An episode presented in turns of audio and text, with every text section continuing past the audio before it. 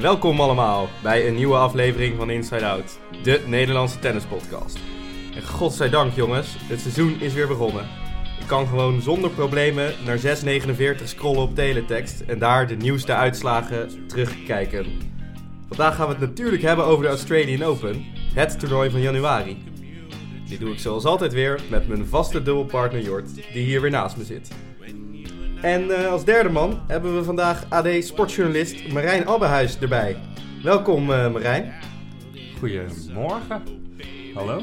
Jij uh, was ook deelnemer hè, aan de Inside Out NK Tennis Quiz zeker. afgelopen december. Ja, zeker. Hoe was dat? Uh, buiten, buiten het podium geëindigd. Was, was pittig. Ja, ik ging nat op, de, op, die, op, die, op die banen. die foto's waarop ik moest raden welk toernooi dat was. Dat, daar heb ik alles door elkaar gehaald. Ja, want op spelers ging je volgens mij wel aardig. Ja, en ik denk gewoon op feitjes ook wel redelijk. Uh, het is niet dat ik weinig wist, maar uh, ik ging de mist in. Ja, er was ook uh, één team op het afgelopen NK Tennis Quiz. Werd georganiseerd gelijktijdig met het NK Tennis. De winnaars hebben ook dezelfde schaal als de winnaars van het NK ja, mee naar huis gekregen. En ja, dat was een team onder leiding van Joao Varela. En die, uh, ja, die hadden gewoon driekwart van de vragen goed. En uh, er zaten echt pittige vragen tussen. Dus, nou, dat uh, kan ik beamen. We gaan eens kijken of, die, of we hem nog een keer bereid kunnen vinden om ja, te vragen hoe hij dat heeft gedaan in een andere podcast. nu gaat het even over de Australian Open, jongens. Ehm, wat wil ik doen? Ik wil het met name even hebben over de Nederlanders, de Nederlandse inbreng. En daarna ook natuurlijk favorieten en dark horses doornemen, zoals dat traditie, traditiegetrouw gaat in de podcast. Vraag me af, jongens. Uh, wat mij direct opviel, is Talon Griekspoor. Jort?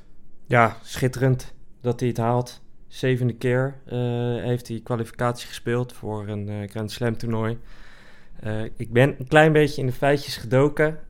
heb ik meteen een vraag aan jou, Marijn.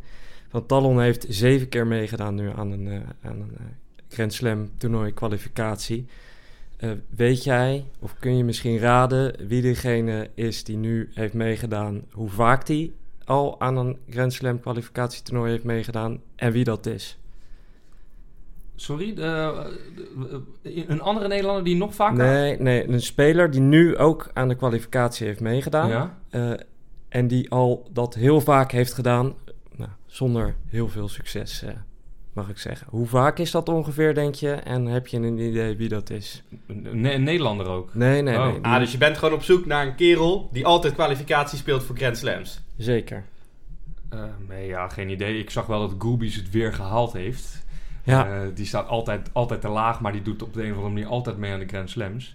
Uh, maar verder, nee, dat... Ja, die staat ook wel aardig in, de, in de lijst, geloof met 28 keer of zo. uh, maar er is ook een speler, uh, Menendez, die doet voor de 42ste keer mee. Oh. Uh, die heeft het drie keer gehaald. Alleen een Roland Garros zeker, of niet?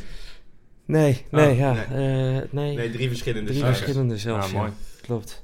En uh, van de week uh, zei jij uh, Pieter Polenski, die staat op nummer 2 met 40 keer. Ai, ai, ai. Ja, Pieter Polenski was mijn gok. De typische speler die altijd 150 van de wereld staat. die jongen heeft al een carrière van 14 jaar. Ja. En die heeft inmiddels 40 keer kwalie gespeeld voor een Grand Slam. Bizar. Maar Pieter Polenski heeft het wel een keer of 10 ook daadwerkelijk gehaald. Ik zag dat hij in zijn hele carrière heeft hij nu zo'n anderhalf miljoen prijzengeld bij elkaar getennist in 14 jaar. Dat is toch aardig wat tonnetje per jaar. Daar gaat hij denk ik niet mee redden. Maar, nee, uh, ja, hij, hij houdt uh, vol. En volgens mij heeft hij dit keer niet gehaald, hè, Pieter Polenski, of wel? Nee. Hey, en wat vinden jullie ervan dat Hazen er niet voor heeft gekozen om uh, kwalificatie te spelen? ja, kijk. Het stond volgens mij ook in de krant, hè, dat hij maar even bij de sportzaak zijn eigen ballen heeft gekocht. Ja. En ja, wat ik proefde in dat stuk is dat hij toen die keuze heeft gemaakt, maar dat hij nu toch een beetje spijt had. Dat hij misschien toch liever in Australië had geweest. misschien wel, maar hij, had ook zoiets van... ja, ik moet uh, twee, keer finale, uh, twee keer finale Challenger halen... en dan heb ik evenveel punten als tweede ronde Australian Open. Maar ja, dat, dat lukt dan dus gewoon niet. En dat is natuurlijk ook weer een bepaalde druk die je jezelf oplegt. En uh, hij heeft natuurlijk altijd onder enorme druk gestaan. Hazen. doordat hij de nummer 1 van Nederland was... waar eigenlijk de bakker dat al die tijd had moeten zijn... Ehm, dus ja, ik, ik zou als ik hem was gewoon er een beetje van genieten en, eh, en lekker in Australië gaan staan. En dan hou je het hoofdtoernooi, hou je het hoofdtoernooi. Hou je het niet, dan, dan zoek je wel weer iets anders uit. Maar het zegt mij wel veel dat hij in plaats van eh, de makkelijke weg, dus door kwalificatie te spelen in het hoofdtoernooi, dat, hij, dat dit wel aangeeft dat hij er echt voor gaat om weer te proberen in die top 100 te komen. Op de Aranza Rus manier. Ja, ik denk dat dat wel de makkelijke manier is. Misschien niet de leukste manier eh, om in Bangkok een challenger te spelen. Gaat hij komende week weer doen. Maar ja, eh, als het op een gegeven moment gaat lopen, en ik geloof niet dat hij het helemaal kwijt is, eh, want op de Davis Cup won hij ook gewoon van twee top 100 spelers. Ja. Dan kan hij zomaar in één keer twee, drie challengers winnen en dan staat hij gewoon weer top 100. Maar het kan toch allebei? Er zijn nog 25 à 30 weken in een tennisseizoen waarin die challengers kan spelen. Als je dan de, de, de 8, 9, of, uh, ja, 8 Ah, behalve 12, dat 12 nu natuurlijk wel eh, de hele top eh, 120 tot 180 wel voor Australië Dat is kiest. waar. Eh, daar heeft waar. hij natuurlijk een voordeel mee. Maar hij was derde niet- geplaatst. hij hoeft maar niet goed, bang eh, te zijn voor de nummer 130 van de wereld, toch? Nou, misschien wel ook voor de nummer 300, een eh, Andrea Arnaboldi. Even terug naar het Talon Griekspoor, jongens. Hij heeft het gehaald. Heel leuk. Goede resultaten gezien. Ik heb er niet zoveel van gezien. Jullie waarschijnlijk wel. Eh, Nou ja, zijn potten heb ik natuurlijk niet gezien, want die, eh, de kwalificaties is moeilijk te volgen. Eh, dus ik heb alle, alle ATP-toernooitjes wel zitten kijken, maar, maar de kwalificaties niet. Maar ja, ik heb afgelopen jaar natuurlijk wel redelijk wat potten van Griekspoor gezien. ABN tegen Katjanov, eh, Davis Cup tegen Murray. Dus ja, het is, het is wel een jongen die... eh, want ik, jullie zaten natuurlijk met Haarhuis voorafgaand aan die Davis Cup. En toen zat jij, Tim, eh, een beetje eh, eh, Haarhuis eh, te pushen van... Ja, moet je Botik niet opstellen in plaats van Talon? Want Botik is veel meer in vorm. Want die, die Talon, uh, Griekspoor, die zit er elke keer een beetje tegenaan te hikken. En komt er niet echt doorheen. Dus ja, je zit een beetje te wachten op dat, dat moment dat hij er doorheen komt. Dus Ja, en, eh, en ja, nu haalt hij het. Eh, Geen eerst- sets verloren, hè? Geen set verloren. Nu eerste dat rondje Taylor Fritz, jongens. Ja, Taylor Fritz is natuurlijk wel een, eh, een, een naam waar je niet van schrikt. Maar wel gewoon eh, heel gestaag eh, aan de weg aan timmeren is. Dus dat is stiekem Ja, gewoon staat een hele gewoon lastige- 29 Ja, 29. En hij heeft Lever Cup gespeeld, zegt ook wel wat. Dat ze, dat ze in het World Team bij zo'n jongen uitkomen. Heeft geloof ik nog een Ja, of het is de armoede van heel. Noord-Amerika. Ja, Maar maar verloor- volgens mij verloor die beslissende tiebreak van Tsitsipas op de Lever Cup. Dat is gewoon een goede speler. Ja, maar aan de andere kant, eh Griekspoor heeft niks te verliezen. Nee. Je kan lekker genieten. Eh, heeft al drie potjes op die banen gespeeld. En in diezelfde hitte. Klopt. dus, en hij heeft wel bewezen dat hij van dat soort spelers kan winnen. Klopt. Ik zeg niet dat het het meest logische is. Ja, het, zou, het zou een hele grote verrassing zijn. Maar het zou, eh, het zou kunnen en het zou echt super leuk zijn. ja, gaan het volgen. In ieder geval eh, een, Ne- een Nederlandse heer in het hoofdschema van een Grand Slam. Dat willen we natuurlijk eh, proberen vol te houden. Ja. Hopelijk de volgende keer misschien zelfs twee of drie.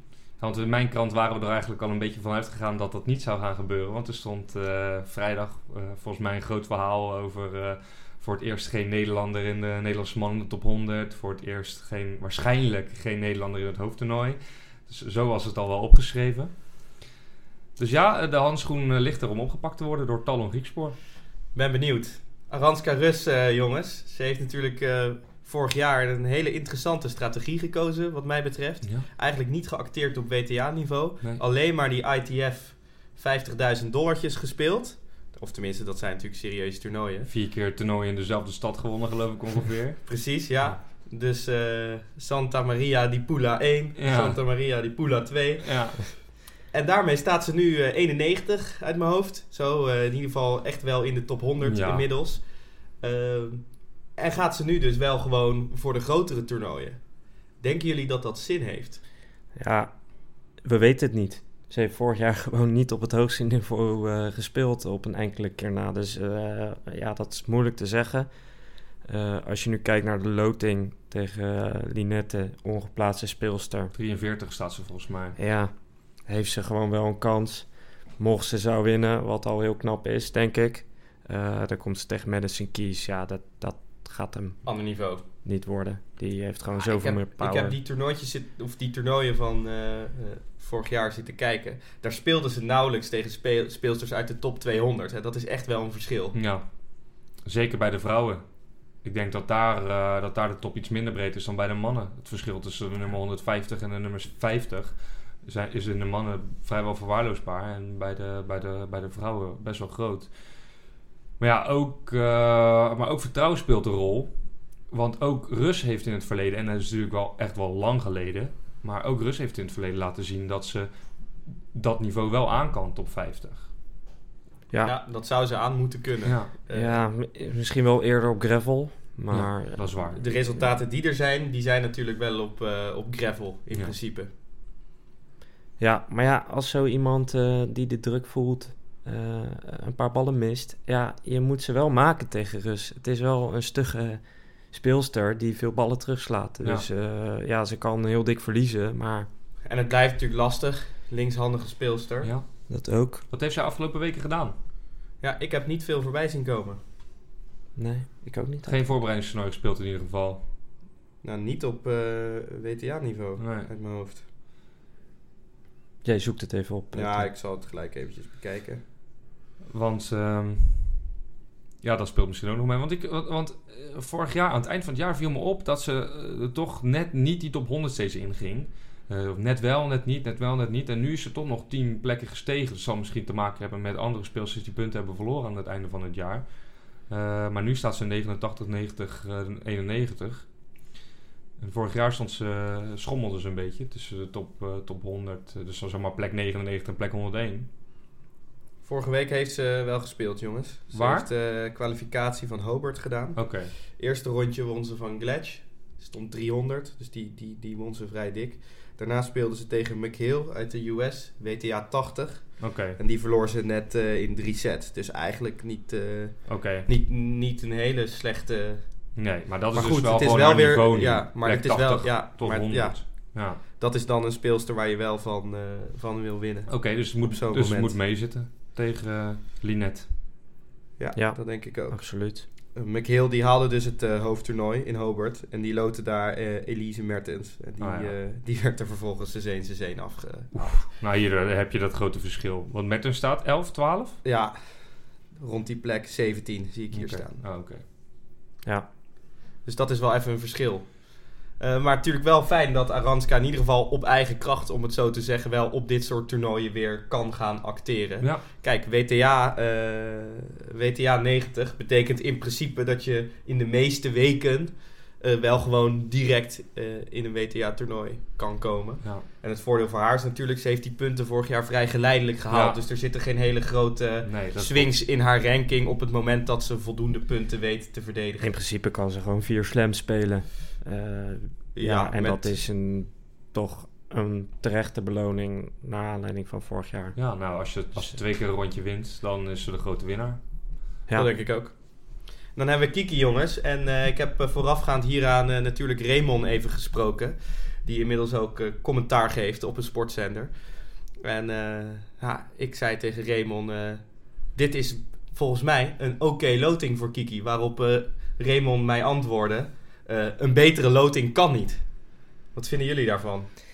Nou, die eerste twee rondjes eh, ben ik het wel eens met, eh, met Raymond. Dat eh, tegen Begu en misschien daarna tegen Rodeo Nova. Ja, dat, dat moet, mag geen probleem zijn eh, voor Kiki. En dat gaat denk ik ook wel... eh, Werd eh Rodeo Nova niet van de week eh, 0 en 0 opgerold? Ja, maar die won wel van Sloane Stevens de ronde daarvoor. Dus zegt ook wel wat over het niveau van Sloane Stevens. Ja, Oei.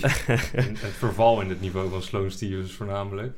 dat... Ja, ja, En onze vriend Sven Groeneveld heeft dat ook niet om kunnen draaien. hè? Nee, nee. Die Maar heeft maar heel kort met haar gewerkt, toch? Ja. Ja. klopt. Het leek even wel wat een stijgende lijn in te zitten, maar daarna... Nou, Ja, tijdens het Roland Garros was dat eh, zo een beetje rond die periode, toch? Ja, ja. Dat is best de Roland Garros waarin zij de finale haalde. Nee. Nee. Nee, nee, nee. Nee, dat is het jaar ervoor, denk ik.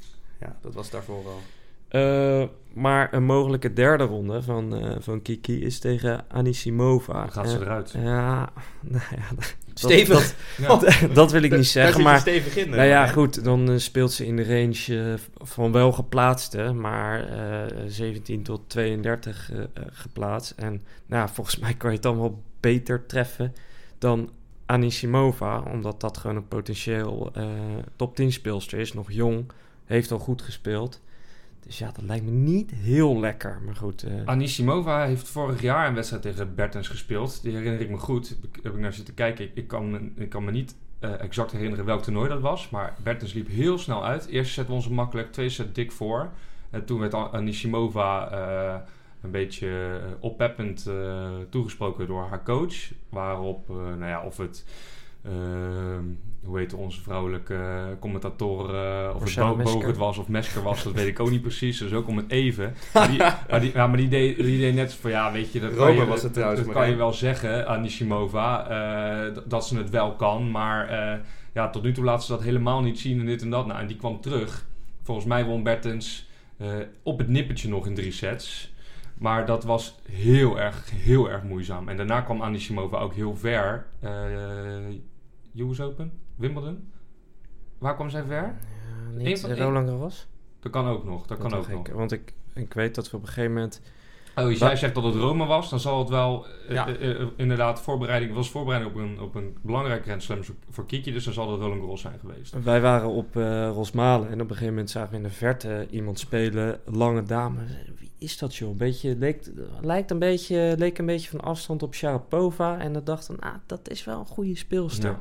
En dat was dus Anisimova. Die Klopt. echt, ja, is gewoon een groot talent en nog heel jong. Dus dat is lastig. Aan de andere kant denk ik, het maakt eh, vanaf de laatste 32 echt niet uit tegen wie Kiki speelt. Ze kan van iedereen winnen, maar Ja. ze kan ook van iedereen verliezen. Ja. Zit eh Pavel Jutchenkova ergens in de buurt daar dit keer, of niet? Nee, volgens mij niet. Oké. Volgens mij zag ik die ergens anders. Eh, een, een gegarandeerde bananenschil. Ja, zeker weten. Ja. Ja, Nee, ze maar zit ik, niet bij Barty in de helft bijvoorbeeld. Dat is eh, misschien wel lekker. En, eh, Nee, maar ja, ik denk niet dat ze van Anisimova wint. Ook omdat Anisimova precies weet wat, zij, wat ze moet doen tegen Bertens en veel meer vertrouwen heeft dan Bertens.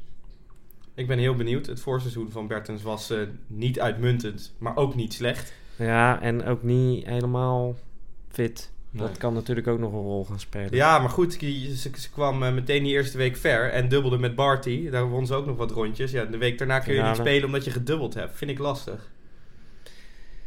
Ja, ik weet niet wat de beweegredenen zijn. Heeft ze Dus- die conditietrainer er ook, die Rotterdammer, heeft ze die er ook uitgegooid?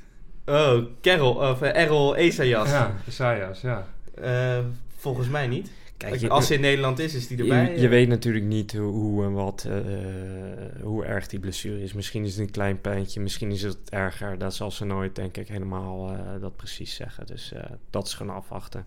Oké, nou ja, ik hoop eh voor dat ze, dat ze het waarmaakt. Rondje favoriete Dark Horses, eh, jongens.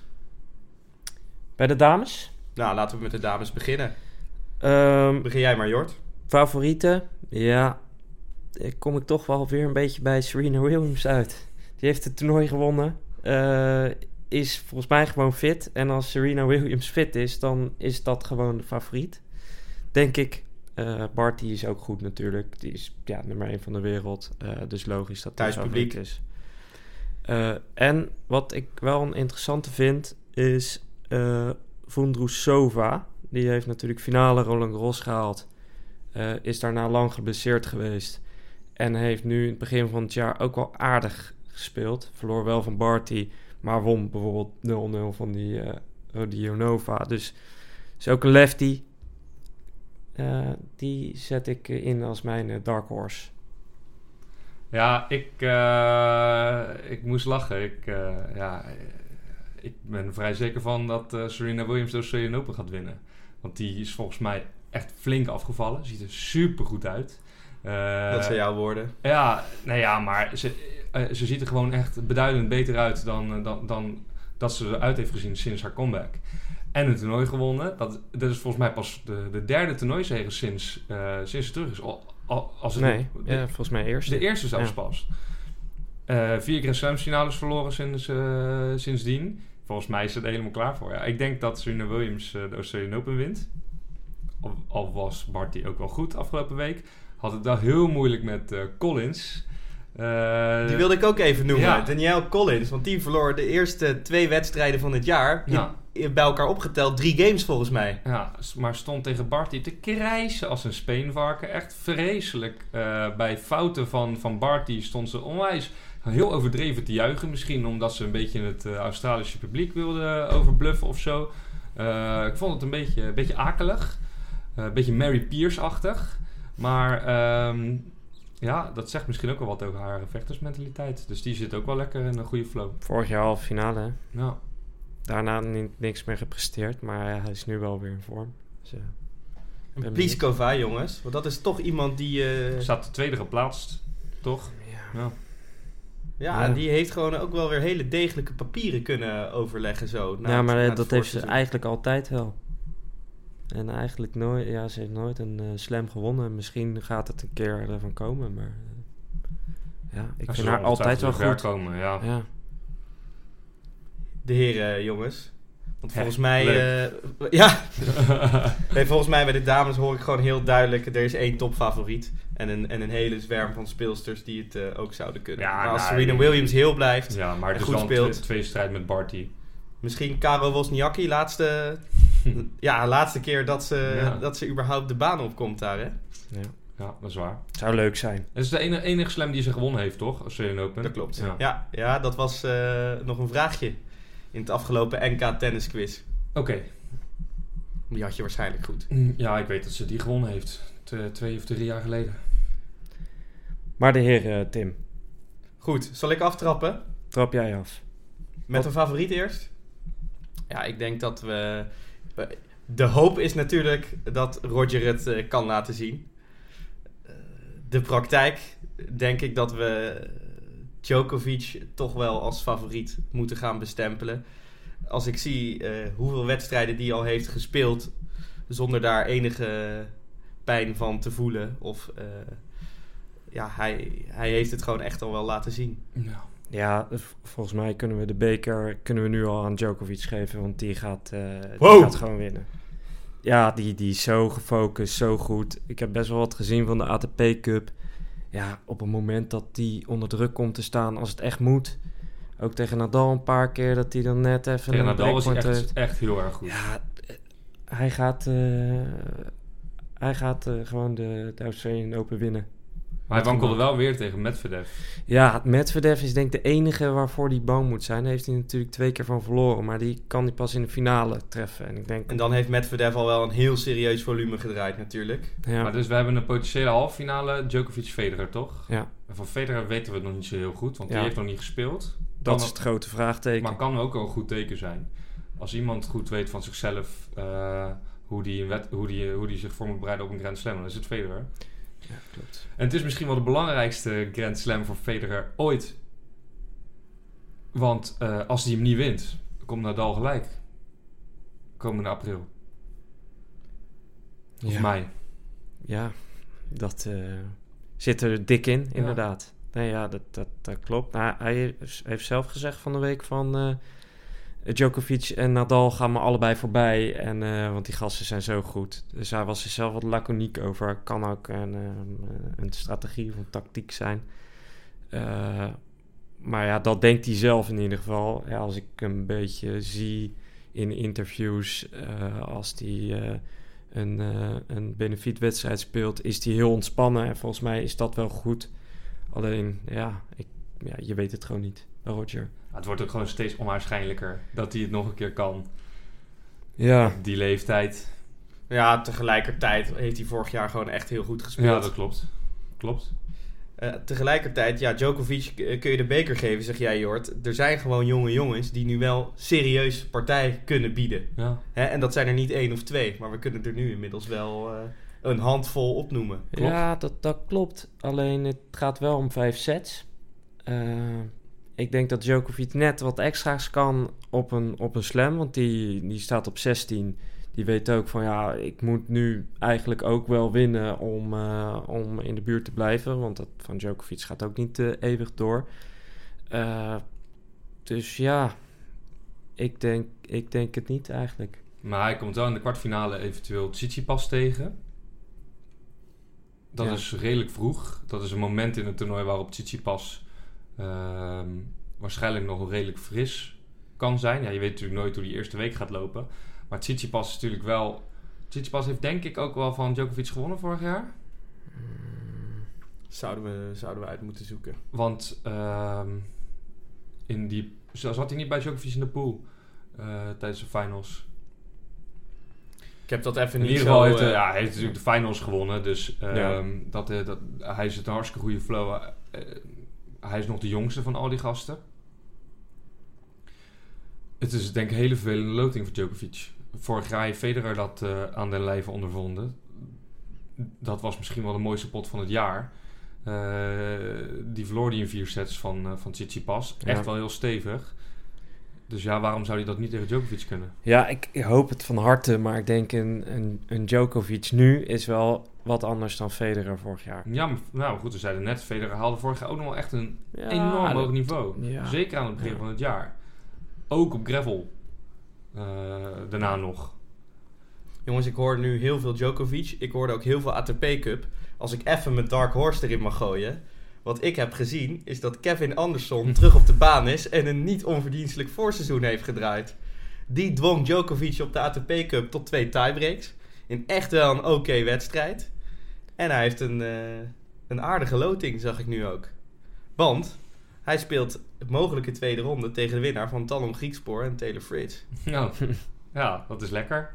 Stel dat dat Anderson Fritz wordt, dan, eh, dan worden de vijfzetter met, eh, met veel tiebreaks. En dan is je toch binnen drie uur afgelopen, die pot. Eh, we- weinig enthousiasme reacties bij jullie. Ik denk dat Kevin Anderson toch wel eens kan gaan verrassen, jongens. Nou ja, hij heeft. Hij is niet heel constant geweest in die ATP Cup. Op een gegeven moment dacht ik van, nou gaat hij, eh, gaat hij van iedereen eh, winnen. Maar toen verloor hij op een gegeven moment weer. Ver- Verloor hij van Per? Nou, Nee. Per won die van. Zeker won weten. Ah, Oké, nou, dat is wel netjes. Nou ja, het is een goede speler, maar eh, volgens mij hebben we meerdere spelers zoals Kevin Anderson in de sheet. En ontloopt het eh, elkaar allemaal niet zo heel veel. Eh, Hoe snel is de baan daar in Australië? Oeh, ik heb Adelaide in ieder geval wel gezien. Die was extreem snel. Ja, Eh, want wat doen, wat doen bijvoorbeeld de omstandigheden, de droogte? Ja, kijk, het is daar altijd heet. En het Ja. is daar altijd, eh, ja, voor het grootste Ja. gedeelte droog. Er is, eh Ja. godzijdank, wat regen ja, gevallen het nu het daar. zegt ook wel genoeg dat dit Nadal zijn minst ja, het is een aanzienlijk eh, snellere baan dan de US. Open. Ja, want Ja. Nadal heeft één keer gewonnen. Eh, ja, Federer, Djokovic eh, hebben toch eigenlijk altijd hier gedomineerd. Dus ja, dat zegt wel iets over de snelheid van de baan. Nou, misschien moeten we dan eh, Nick Kyrgios ook maar opschrijven als Dark Horse. Ja, ja ik kijk er persoonlijk wel naar uit. Eh, op het moment dat Nick Kyrgios een paar rondjes overleeft, kan hij in de vierde ronde tegen Nadal komen. Oh, dat is ja, lekker. Dat, dat, Ja. eh, vorig jaar hebben we die pot op de US Open gezien. Dat, dat was fantastisch. Eh, ik weet niet in welk kamp jullie zitten. want het is toch Kyrgios, je haat hem of ja, je vindt het geweldig. Ik zit toch steeds meer, zeker hoe ik hem de laatste tijd heb gezien in het kamp. eh, ik vind hem geweldig, ondanks dat hij af en toe een kronkel in zijn hoofd heeft. Maar dan eh, kijk ik maar even de andere kant op. Ja, hij zorgt gewoon voor spektakel. Het kamp waar ik in zit is als je ontzettend veel talent hebt en je doet er niet alles aan om dat naar buiten te laten komen, dan vind ik je toch een beetje een, eh, ja, een stumper. Ja, het is zonde, hè. Ik bedoel, we zouden graag met hem ruilen. Met Nick Kyrgios. Als, als een van ons drie. Ik denk dat eh, alle drie eh, geen gebrek aan toewijding hebben als het gaat om, eh, om sport. En eh, graag goed willen zijn. Jort heeft denk ik alleen die voorhand nodig hoor, dan kan Ja. die al de toe. Ja, ja, nou, dat weet ik wel zeker. Ja, met de vorm van Kyrgios zou mijn leven wel een stuk makkelijker zijn. dat weet ik wel. Eh, jouw dark horse, Jort? Ja, de Kyrgios eigenlijk had ik eh, vooraf bedacht. Dus ehm, Je ziet wel wie er verstand van hebben, Tim. Blijkbaar, eh, de naam eh Rublev is niet gevallen, jongens. Ja, maar die kun je ook wel opschrijven. Maar eh, het enige is, hij heeft al twee toernooien gewonnen. Knetter veel gespeeld. ja. Dat is wel altijd ook gevaarlijk. ja, en kijk, eh Rublev, derde ronde partij, eh, komt hij misschien tegen Goffin. Zal die favoriet zijn. Ja. Maar hij kan ook gewoon van Goffin Ja, verliezen. hè? Tuurlijk, tuurlijk. Goffin heeft gewoon van Nadal gewonnen. En dan kan hij er gewoon uit liggen. En nou ja, goed, dat is ook geen schande. Maar dat kan ook gewoon. Het is een beetje kijken hoe het uitpakt. Eh, uit mijn hoofd, twee jaar geleden had Edmund zo'n eh, zo'n zo'n voorjaar... waarin hij een toernooi won en de finale haalde, geloof ik... in aanloop naar de Open. Toen haalde hij volgens mij de halve. Dus ehm, het, kan ook, eh, het kan ook goed uitpakken. Edmund en eh Tune, toen allebei halve, dacht ik. Dat kan heel goed zijn. Dus eh, jullie spelen voor de dames Serena Williams. Voor de heren spelen jullie Novak Djokovic. Nee, ik niet. Ik speel, ik speel niet Djokovic voor de heren. Ik speel eh, een, een outsider. Ik eh, denk dat iemand uit de categorie eh, team met Medvedev, uh, eh, de Australian Open gaat winnen. Prima. Wie dan?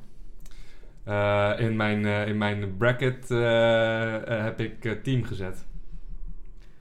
Vind ik een hele dappere keuze, Marijn. Nou, ik wil hierbij in ieder geval eh, eventjes onze voorbeschouwing laten voor wat het is. Of heb jij nog wat, eh Jort, wat je per se eh, nog kwijt wil hierover? Nee hoor.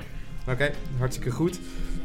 Nog eventjes eh, naar de luisteraars van Inside Out. Eh, vorig jaar hebben we een aantal mooie afleveringen mogen maken. En eh, dit jaar schaalt Inside Out op. Dat betekent dat we, we hebben een nieuw format, of nieuwe formats, eh, met vooral meer content.